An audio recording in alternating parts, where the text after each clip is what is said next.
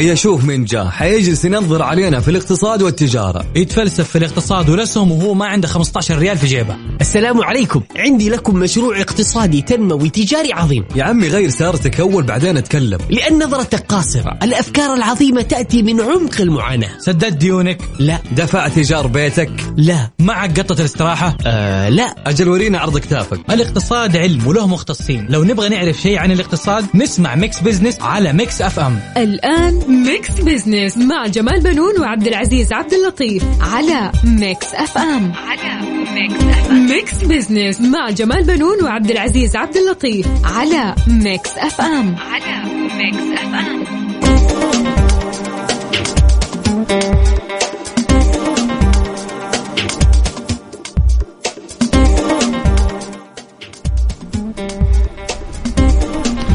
أهلا ومرحبا بكم مستمعينا. أنا جمال بنون أحييكم من Mix FM وبرنامج Mix Business. طبعا نرحب بزميلي عبد العزيز عبد اللطيف الذي يشاركنا التقديم. مرحبا عبد العزيز. مرحبا أستاذ جمال ومرحبا بكم مستمعينا في حلقة جديدة من Mix Business هالبرنامج اللي يأتيكم كل أسبوع في نفس هالوقت وطبعا نتناول القضايا الاقتصادية ونبسط رؤية 2030 بحيث تكون أسرع فهما وهضما. صحيح آه، عبد العزيز آه، خلينا آه، نبدأ آه، مشوار حلقتنا اليوم آه، بالخبر الأحدث طبعا من المنتظر أن يلقي خادم الحرمين الشريفين الملك سلمان بن عبد العزيز اليوم عبر الاتصال المرئي الخطاب الملكي السنوي لاعمال السنة الثالثة من الدورة الثامنة لمجلس الشورى.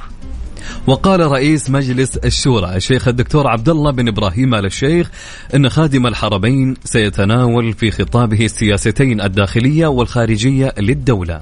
وأكد أيضا أن الخطاب الملكي السنوي هو مصدر اعتزاز لمجلس الشورى ومناسبة يتطلع لها كل عام للاستماع إلى الكلمة الضافية لخادم الحرمين الشريفين وما تحمله من مضامين ورسائل مهمة تجدد المسيرة الشورية وتعزز منهاج عمل المجلس في مناقشة ودراسة جميع الموضوعات التي تندرج تحت صلاحياته واختصاصاته. وأضاف أن مجلس آه أن المجلس يحظى باهتمام خادم الحرمين الشريفين وسمو ولي العهد من خلال دعمهما المستمر والمتواصل للمجلس، ما يؤكد ثقة القيادة الرشيدة في مجلس الشورى ودوره كشريك في صناعة القرار.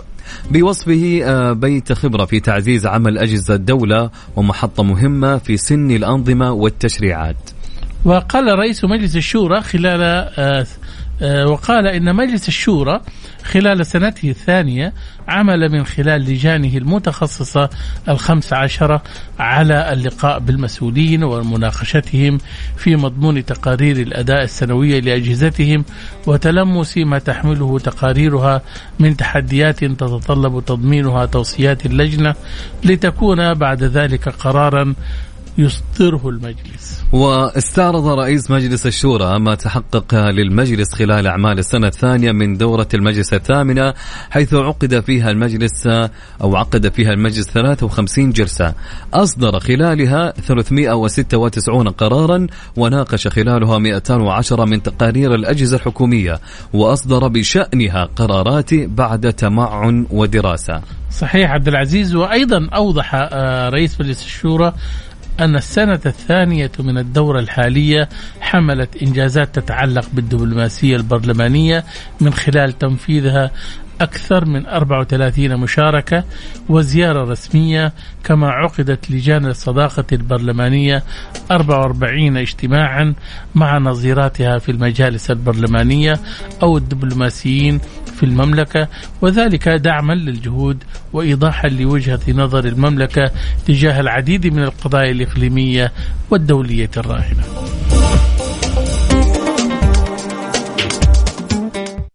Mix Business مع جمال بنون وعبد العزيز عبد اللطيف على Mix FM. على Mix FM.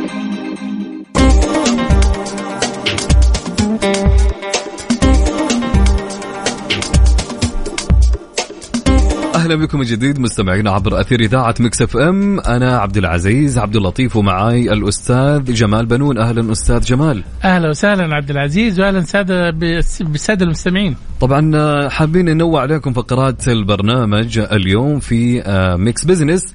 آه، كالعادة في فقرة على السريع نستعرض أبرز الأحداث والأخبار الاقتصادية مع تعليق على بعض منها. وفي فقرة حسبة ونسبة. والسؤال المطروح اليوم على مواقع التواصل وحساب مكسف أم على تويتر. يقول سؤالنا أعطينا رأيك في دور الأمانات والبلديات في مدينتك لمعالجة التشوه البصري. نعيد السؤال مرة ثانية. أعطينا رأيك في دور الأمانات والبلديات في مدينتك لمعالجة التشوه البصري. عندنا أربع اختيارات. الاختيار الأول دورها ضعيف. الاختيار الثاني لا ينسجم مع التطور المدني. أو الاختيار الثالث يحتاج مضاعفة الجهد.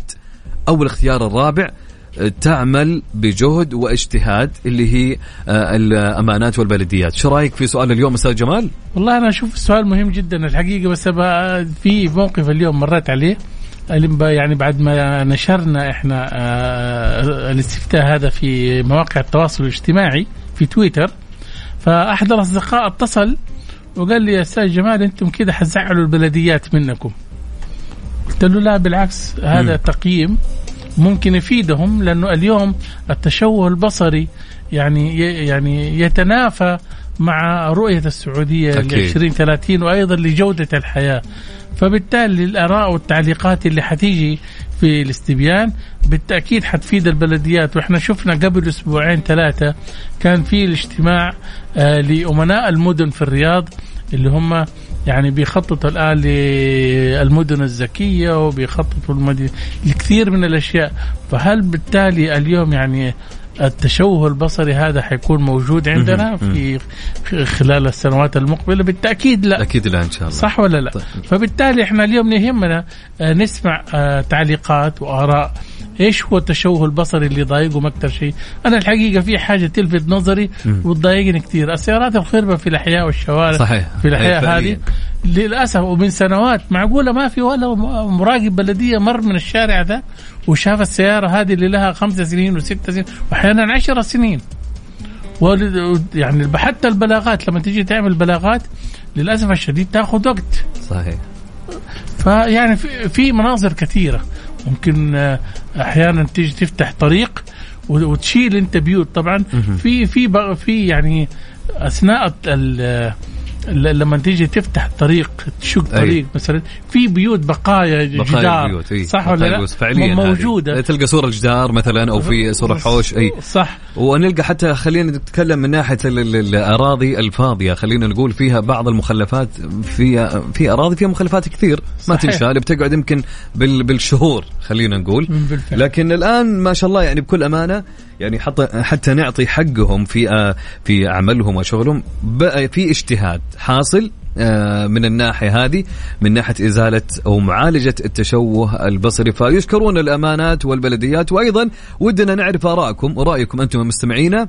آه، طبعا سؤالنا يقول أعطينا رأيك في دور الأمانات والبلديات في مدينتك لمعالجة التشوه البصري. فايش رأيك في معالجة التشوه البصري من دور الأمانات والبلديات حاليا؟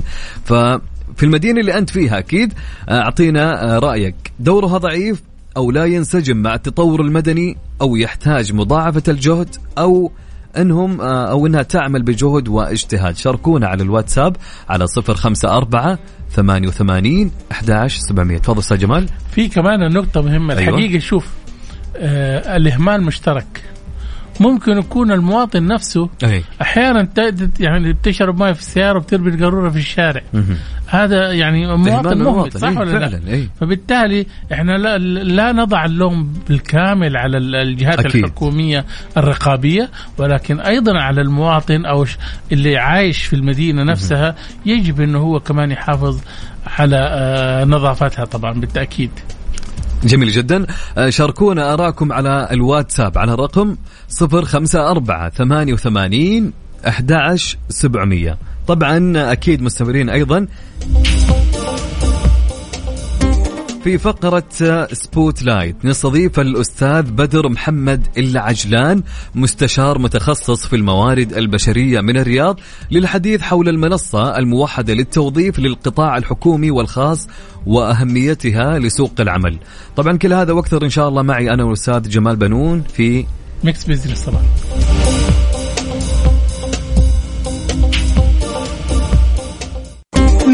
Business مع جمال بنون وعبد العزيز عبد اللطيف على Mix FM على Mix FM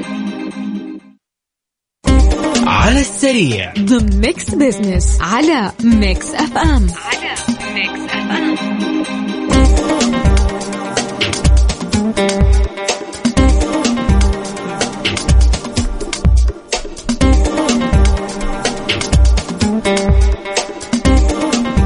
في فقرة على السريع نستعرض أهم وأحدث الأخبار الاقتصادية. بعنوان الداخلية 17 مليار ريال سنويا وفورات مالية من التحول الرقمي. قالت الوزارة أو قالت وزارة الداخلية السعودية أن التحول الرقمي أسهم في تحقيق أثر مباشر في جوانب مختلفة. ففي الأثر المالي تجاوزت الوفورات المالية 17 مليار ريال سنويا وأمنيا.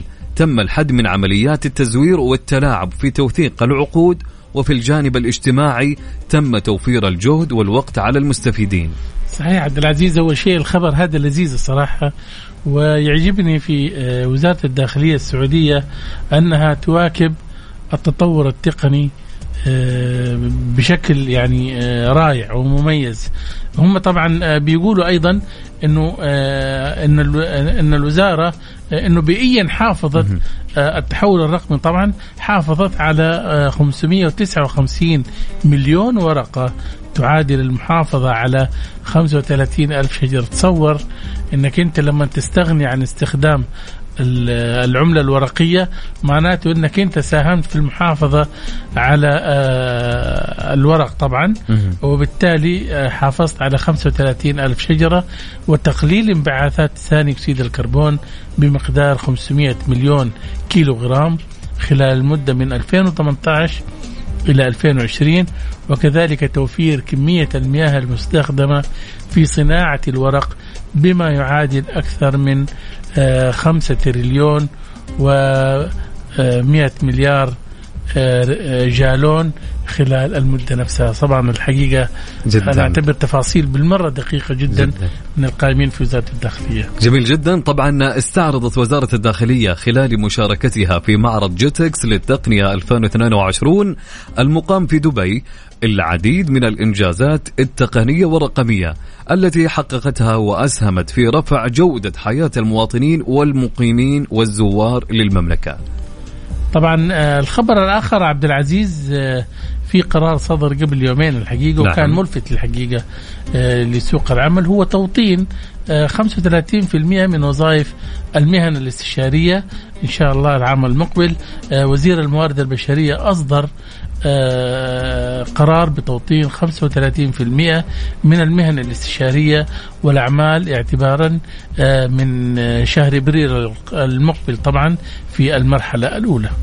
جميل على أن ترتفع النسبة في المرحلة الثانية لتصل إلى 40% اعتبارا من 24 مارس في 2024 وبحسب بيان للوزارة يستهدف القرار جميع المهن في القطاع ومن أبرزها أخصائي استشارات مالية، أخصائي استشارات أعمال، وأخصائي استشارات أمن سبراني، ومدير إدارة مشاريع، ومهندس إدارة مشاريع، وأخصائي إدارة مشاريع، ومن المتوقع أن يوفر القرار فرصا وظيفية للسعوديين بحسب الوزارة. صحيح.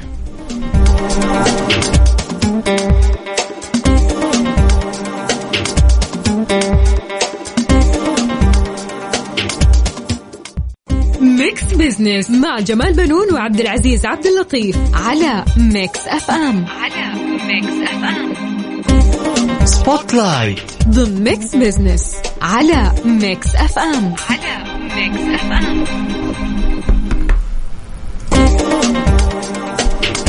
مرحبا بكم مستمعينا عبر أثير إذاعة Mix FM أنا أخوكم عبد العزيز عبد اللطيف ومع الأستاذ جمال بنون. أهلا أستاذ جمال. أهلا وسهلا عبد العزيز واهلا بالسادة المستمعين. انطلقت اليوم المرحلة التجريبية للمنصة الوطنية الموحدة للتوظيف جدارات. وتعمل المنصة التي يشغلها ويشرف عليها صندوق تنمية الموارد البشرية هدف خلال مرحلة الإطلاق التجريبية على دمج بيانات طالبي العمل وأصحاب الأعمال المسجلين في منصتي طاقات وجدارة وتحويلهم للمنصة الجديدة حيث تتيح لهم المنصة الاطلاع على فرص العمل في القطاعين العام والخاص والتقديم عليها. دون أن تتأثر بياناتهم أو مزاياهم السابقة. وستتضمن المراحل القادمة من المنصة مزايا وخدمات إضافية سيعلن عنها في حينه طبعا للحديث حول هذا الموضوع وأهميته بالنسبة لسوق العمل نتحدث مع الأستاذ بدر محمد العجلان مستشار متخصص في الموارد البشرية من الرياض. مرحبا بك أستاذ بدر في برنامج Mix Business. هلا والله مرحبا السلام عليكم. مساء الخير أستاذ جمال وأستاذ عبد العزيز. حياك الله. طبعا سعيدين بوجودك معنا اليوم. في هاللقاء. حدثنا في البداية أستاذ بدر آه، تطلق أو أطلقت وزارة الموارد البشرية آه، منصة موحدة لطرح الوظائف في القطاع العام والخاص. أهمية هذه المنصة لسوق العمل؟ آه، مما لا شك فيه بأن توحيد منصات التوظيف القطاع الحكومي والخاص كون وزارة الموارد البشرية تضم تحتها وزارة الخدمة المدنية ووزارة العمل اندمجت تحت اسم واحد وهي من خطوات اللي نشيد فيها قرار مجلس الوزراء شهر فبراير سنة 2021 تحت قيادة خادم الحرمين الشريفين الملك سلمان بن عبد العزيز وولي عهد الأمين محمد بن سلمان حفظهم الله. آه أنها تض... آه هذا أن الوزارة تضم داخل المنصة واحدة للتوظيف ومشاركة ثمان جهات حكومية اللي هي وزارة الموارد البشرية ووزارة التعليم ومركز المعلومات الوطني وصندوق تنمية الموارد البشرية والهيئة العامة للإحصاء ومركز الإشراف الخدمه التوظيف واللجنة الوطنية للتحول الرقمي. آه وطبعا ال- وطبعا فيها ميزات تلخص هذه الميزات في المنصة بأنها شملت التوظيف لجميع القطاعات الحكومية والخاصة آه وجود قاعدة بيانات لطالبي العمل تحسين ورفع كفاءات إجراءات معالجة طلبات عمليات التوظيف بدقة وشفافية ورفع درجات المصداقية في الإعلانات والحفاظ على سرية المعلومات ومعرفة واللي هذه أعتبرها مهمة معرفة أعداد طالبين العمل وإمكانية تحليل مؤهلاتهم وتحليل سوق العمل واحتياجاتهم. طيب يعني أستاذ بدر أنا بعرف من وجهة نظرك يعني هل هذا يعني حيساعد في سرعة الحصول على الوظائف؟ نعم بكل تأكيد، ابى أعطيك مثال بسيط أستاذ جمال. آه الموظف خلال رحلة بحثه عن عمل تكون معرفته بجميع منصات التوظيف قليلة أو متوسطة. وقد يوجد إعلان وظيفي في أحد الجهات الحكومية وهو مؤهل لهذه الوظيفة لكن لا يعلم عنها أو لم يسمع عن هذه الجهة بالسابق أصلا. ومع وجود هذه المنصة سوف تطرح جميع الوظائف لجميع القطاعات مما يسهل رحلة البحث عن وظيفة. أها يعني تكون يعني ميسرة صح؟ اي ومعلومات نعم بتكون مؤثر. بس هل نعم. ممكن مثلا نفترض على سبيل المثال اليوم أنا بس مثلا بدور على فرصة عمل في قطاع خاص وجيت نعم. وأنا بدور حصلت يعني الوظيفة اللي بدور عليها حصلتها في القطاع الحكومي أقدم عليها؟ نعم بيصير يعني بي- بي- بيصير عندي ال- ال- الوظائف مفتوحة بالجهات كلها آه فرصتين يعني أول كان- تصير موجودة عند الباحث عن العمل أي عدة الفرص الفرص بتزيد أكثر نعم. نعم نعم جميل آه، أستاذ بدر آه، يبدو أن شركات التوظيف سوف تفقد دورها وربما تتقلص ما رأيك؟ شوف هي ما هي مش آه، شركات التوظيف لن تفقد دورها ولكن سوف تتقلص بشكل كبير. ليش؟ لأن حيث يوجد اعتماد كلي من بعض القطاعات الخاصة أن شركات التوظيف تقوم بجميع أعمال التوظيف من البحث والتحليل البيانات وعمل المقابلات الوظيفية. فبعض الشركات يعني مختصره عملية التوظيف باعطائها الشركات ولكن مع المنصة هذه ممكن تدريجيا يتم اعتماد ال- الق- القطاع الخاص يتم اعتماد على المنصة هذه اذا إذا شاف منها قابلية وسهولة في البحث عن طالب الوظيفة. جميل إيه يعني أنا أقصد يعني آه، الشركات هذه اللي يعني آه، بت- بتقوم بالتوظيف عادة معظمها يعني تاخذ آه، مبالغ أحيانا أو أو. رسوم صح ولا لا؟ صحيح. ولكن. هذه هذه المنصة مجانية نعم نعم هذا هذا هذا هذا التحدي الكبير اللي بيكون لهم. نعم فبالتالي الفرص آه، التعامل مع المنصة أكبر من من التعامل مع آه، شركات أو منصات التوظيف نعم. الأخرى صح نعم. ولا لا؟ نعم نعم صحيح نعم نعم طب هل هل ممكن تشوف مستقبلا إنه آه، في سلبيات يعني ممكن تحصل من المنصة مثلا ازدواجية طرح الوظائف؟ لا ما أتوقع حدوث ذلك لأن المنصة تتواصل مع كافة القطاعات بخوارزميات الذكاء الاصطناعي لتلافي الأخطاء أو الازدواجيات آه يعني آه ال- ال- البنك المعلومات الوطني بي- بيساهم والذكاء الاصطناعي وال- آه، بيساهم ب- بعدم ازدواجية الوظائف أو عدم ازدواجية الإعلانات الوظيفية فبيساهم بشكل كبير ما دام أنه تحت منصة واحدة. صحيح طب خليني أسألك يا أستاذ بدر بحكم تخصصك يعني اليوم النموذج المطبق في السعودية اللي هو منصة موحدة هل في نماذج مشابهة في دول أخرى مثلا نعم. يعني نعم نعم مطبق في أمريكا ومطبق في بعض الدول الأوروبية ومن زمان فترة طويلة يعني. أها اذا النموذج اللي عندنا جديد يعني أي نعم. بالتأكيد يعني هذا حيكون له مثلا يعني آه، أداء جيد وأيضا كمان حيساعد في يعني خلق فرص آه، بالنسبة للشباب صح ولا لا؟ نعم نعم شيء بالعكس يعني إحنا سعداء بالشيء هذا يعني. يعني إحنا كإدارة موارد بشريه أو آه، البحث عن العمل بيساعد يعني بيساعد الطرفين الباحث واللي آه، واللي يبحث عن الموظفين. طب خليني أسألك أنت كمتخصص النصيحة اللي لو لو قلنا لك وجه نصيحة للباحثين عن العمل ال- في كيفية التعامل مع المنصة هذه إيش حتقول له؟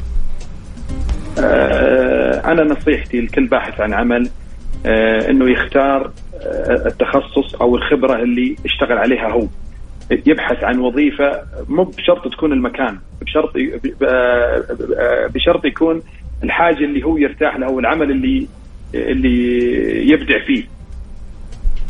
ومع طرح ال- ال- ال- ال- القط- القطاعين وفرة الوظائف بيحصل الشيء اللي يبيه إحنا إحنا نبي إحنا نبي الشخص لما يقدم على وظيفة يقدم على الشيء اللي هو درسه أو هو تعلمه أو هو أخذ خبرة فيه. صحيح صحيح صحيح. نامل إن شاء الله يعني آه، الباحثين عن العمل يستفيدوا من هذه المنصة وتكون يعني إحنا عارفين إنه المنصه هذه الآن تشغيل تجريبي فبالتالي نعم، يعني نعم. أكيد يعني آه، توجد بعض ال- الخلل وبعض الأشياء ولكن بإذن نعم. الله يكون لها الفائدة الكبرى. أستاذ بدر نعم. انتهى وقتنا المخصص لهذه الفقرة شكرا الله. لمشاركتك معنا. شكرا لكم شكرا للجميع شكرا لكم وأخوات المستمعات حياك المستمعين حياك مستمعينا كان معنا الأستاذ بدر محمد العجلان مستشار متخصص في الموارد البشرية من الرياض كان معنا.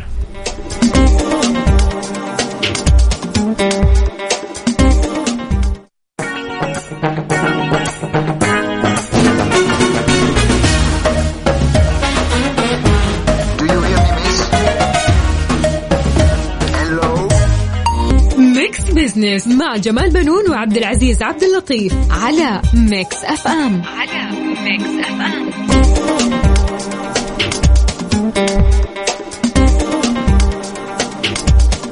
أهلا بكم مستمعينا عبر أثير إذاعة Mix FM. أنا أخوكم عبد العزيز عبد اللطيف ومعاي الأستاذ جمال بنون. أهلا أستاذ جمال. أهلا وسهلا عبد العزيز وأهلا بالسادة المستمعين، طبعا عبد العزيز إحنا خلال يعني بث البرنامج بنترقب كمان كلمة الملك في مجلس الشورى اللي نعم. من المتوقع إلقائها اليوم وإن شاء الله يعني خلال آه، بث الحلقة لو حصل يعني أي خبر يعني موجود أكيد أكيد. حنبين للسادة المستمعين جميل آه عندنا أستاذ جمال أعلن المنتدى السعودي الجنوب إفريقي توقيع 11 اتفاقية في القطاع الحكومي والخاص بعدد من المجالات.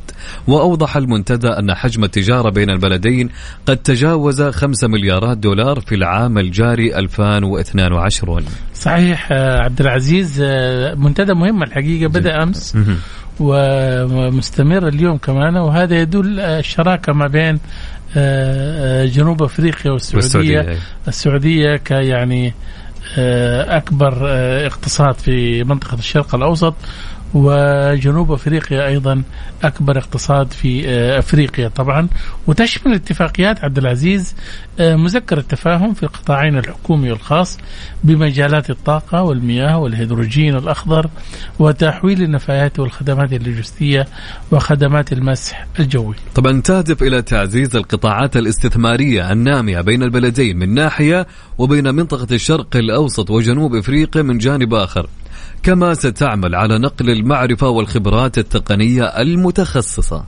طبعا وزير الاستثمار المهندس خالد الفالح أكد آه، في الجلسة الافتتاحية لمنتدى الاستثمار السعودي الجنوب إفريقي مشاركة المملكة وجنوب إفريقيا العديد من المقومات والإمكانات الاقتصادية الهائلة فالمملكة تعتبر أكبر اقتصاد في الشرق الأوسط والعالم العربي كما تعد جنوب إفريقيا ثاني أكبر اقتصاد في إفريقيا وأكثرها تنوعا وازدهارا.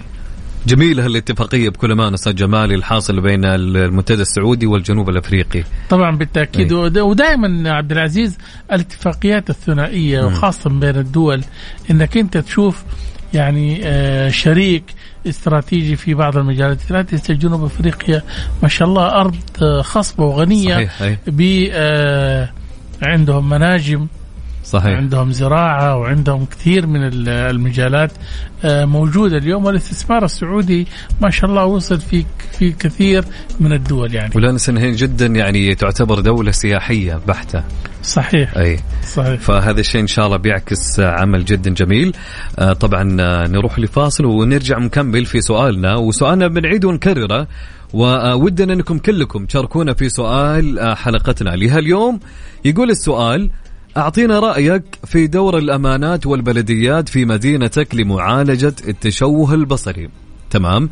فعندنا أربع اختيارات. دورها ضعيف أو لا ينسجم مع التطور المدني أو يحتاج مضاعفة الجهد أو تعمل بجهد أو اجتهاد.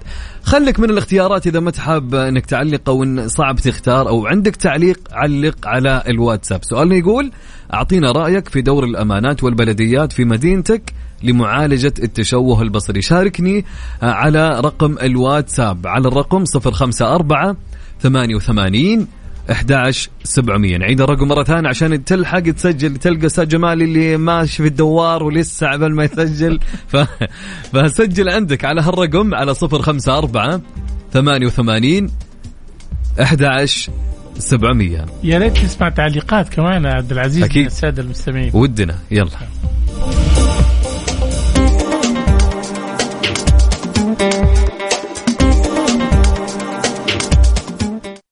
Mix Business مع جمال بنون وعبد العزيز عبد اللطيف على Mix FM على Mix FM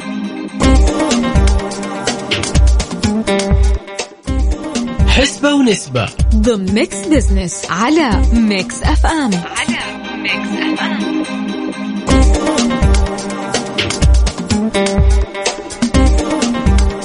حياكم الله من جديد. هلا وسهلا ومرحبا فيكم في برنامج Mix Business. أنا أخوكم عبد العزيز عبد اللطيف ومعاي الأستاذ جمال بنون. أهلا أستاذ جمال. أهلا وسهلا عبد العزيز وأهلا بالسادة المستمعين اللي انضموا إلينا. طبعا كنا نتكلم على الت- التشوه البصري في في الشوارع ولها طرق وأشياء جدا كثيرة بس خلينا أستاذ جمال نعرفها أكثر نعم. للسادة المستمعين. طبعا التلوث البصري من أنواع التلوث التي قد تلعب دورا مهما بالتأثير على راحة الأشخاص ونفسياتهم. ومن المسببات الأساسية عند التفكير بالتلوث البصري هي التوزيع العمراني فقد لا تتناسب بعض المباني مع المحيط الطبيعي للمدينة وبالتالي إيش يصير؟ طبيعي إنه بينزعج أو آه تزعجك هالمناظر ويزعج شكل المباني الغير منتظمة في آه بعض الناس وشكل المباني المنهارة وغير مكتملة البناء أيضا قد تكون من أسباب التلوث البصري أيضا. آه منها أشكال وأعداد كثيرة تلوث البصر خلينا ناخذ كذا شكل منها حتى نوضح لكم بصورة أكثر ابرازا. اللوحات الإعلانية. الحركة الجوية أعمدة الكهرباء السلكية وهوائيات التلفاز وأطباق الأقمار الصناعية آه، ومكبات القمامة أو تناثر القمامة عزكم الله والمباني المتدهورة شبكات توزيع الكهرباء كثرة اللافتات آه، اللي تكون سواء إعلانية سواء تكون مرورية هذه يمكن يكون لها تشوه في بعض الأحيان أكيد. آه، التلوث الضوئي الناتج عن الأضواء الزائدة الضباب الدخاني الأبخرة التلوث البلاستيكي يعني آه، أشياء كثيرة أستاذ جمال. هو طبعا بالتأكيد يعني اليوم كل ما يزعجك وأنت ماشي في الشارع فهو يعتبر يعني يعني تلوث بصري. شايف؟ انت لو حتى التسول اليوم في الشوارع وعند الإشارات هذا تلوث بصري الحقيقة يفترض معالجته. يعني معالجته من قبل الجهات المختصة. اليوم العمال اللي بيوقفوا عند الإشارات وهم كان يعني عمال نظافة أو شيء زي كذا شايف؟ هذا تلوث بصري بالتأكيد. في كثير من الصور الحقيقة التي يعني آه، غير جيدة الازدحام في بعض المحلات التجارية في بعض المحلات اللي تقول عندها تخفيض ومن إداري إيش وتلاقي زحمة عندها في في المحلات عند عند المدخل أي. شايف قبل ما ينفتح والهجوم اللي عليه يحصل على المحل من الناس والمتسوقين هذا تشوه بصري واستغلال لحاجة الناس طبعا. فبالتالي أكيد يعني هذه تحتاج إلى معالجات وأشياء زي كذا طبعا. طبعا الآن وأنا جالس معك في الحديث أستاذ جمال على الهواء قبل الهواء أيوة. فلفتني خبر في موقع واس وعلى موضوعنا. نعم. إيه. فأمانة العاصمة المقدسة تضاعف جهودها في تحسين المشهد الحضري. واصلت أمانة العاصمة المقدسة حملة إزالة مسببات التلوث البصري بمدينة مكة المكرمة والمحافظات التابعة لها والتي تهدف إلى القضاء على العشوائيات ومسببات التلوث وتعزيز الوعي والسلوك الحضاري والمشاركة المجتمعية بأهمية المحافظة على البيئة وحماية المرافق العامة ومعالجة التلوث البصري.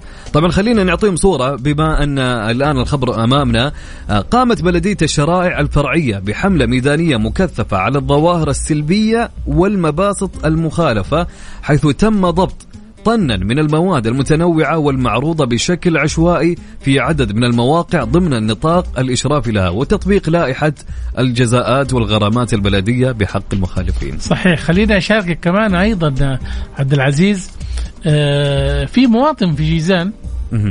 آه، يعني كرم نعم. هذا المواطن آه، من قبل الأمانة نعم. لأنه قدم 700 بلاغ شوف. 700 بلاغ. 700 بلاغ تشوه بصري في مدينة جازان. وعالجت الأمانة هذه التشوهات. يعني اليوم البلاغ من أي مواطن عن طريق آه، قسم البلاغات أظن 940 فعلا. شايف أي. اتصل دون آه، ملاحظاتك سجل شايف. أكيد ستؤخذ جداً. المواطن شوف 700 أنا بلاغ. أنا شخص أستاذ جمال من الأشخاص اللي بلغ في شغلة في يوم من الأيام. والله ما كملت يمكن أكثر أو أقل من ساعة وجاني الرد. شيء جميل جدا أي. يكون عندنا إحنا وعي في أهمية إنه آه، إحنا يكون دورنا رقابي جدا. على المناظر التي ما تناسبنا. وبالفعل تم تكريمه هذا المواطن. وحصل على شهادة تقدير من الأمانة يا طبعا. سلام يا سلام. نعم. بكل امانه يعني آه، الحديث في هذا الموضوع جميل جدا وودنا يعني ناخذ حتى ارائكم أكثر. يعني خلونا نشوف ال- ال- التصويت في آه، تويتر. أستاذ جمال إيه، كان يقول. سؤالنا أعطينا رأيك في دور الأمانات والبلديات في في مدينتك لمعالجة التشوه البصري.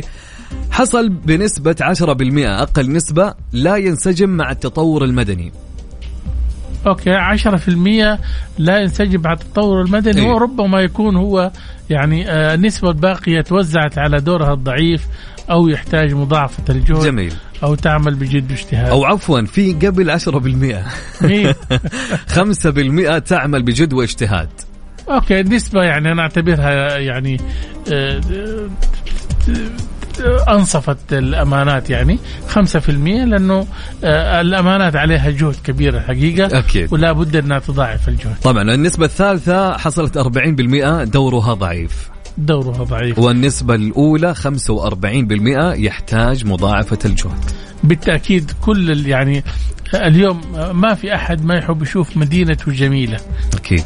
وعشان تشوف مدينتك جميلة مو فقط دور الأمانات ولكن أيضا دورك أنت كشخص تعيش على هذه البلاد. أكيد. نعم. طبعا إلى هنا وقتنا انتهى. تقريبا كملنا ساعتين كاملة. شكرا لك أستاذ جمال على آه، اليوم وشكرا أيضا على آه، الضيف الأستاذ بدر محمد العجلان مستشار متخصص في الموارد البشرية كان معنا من الرياض.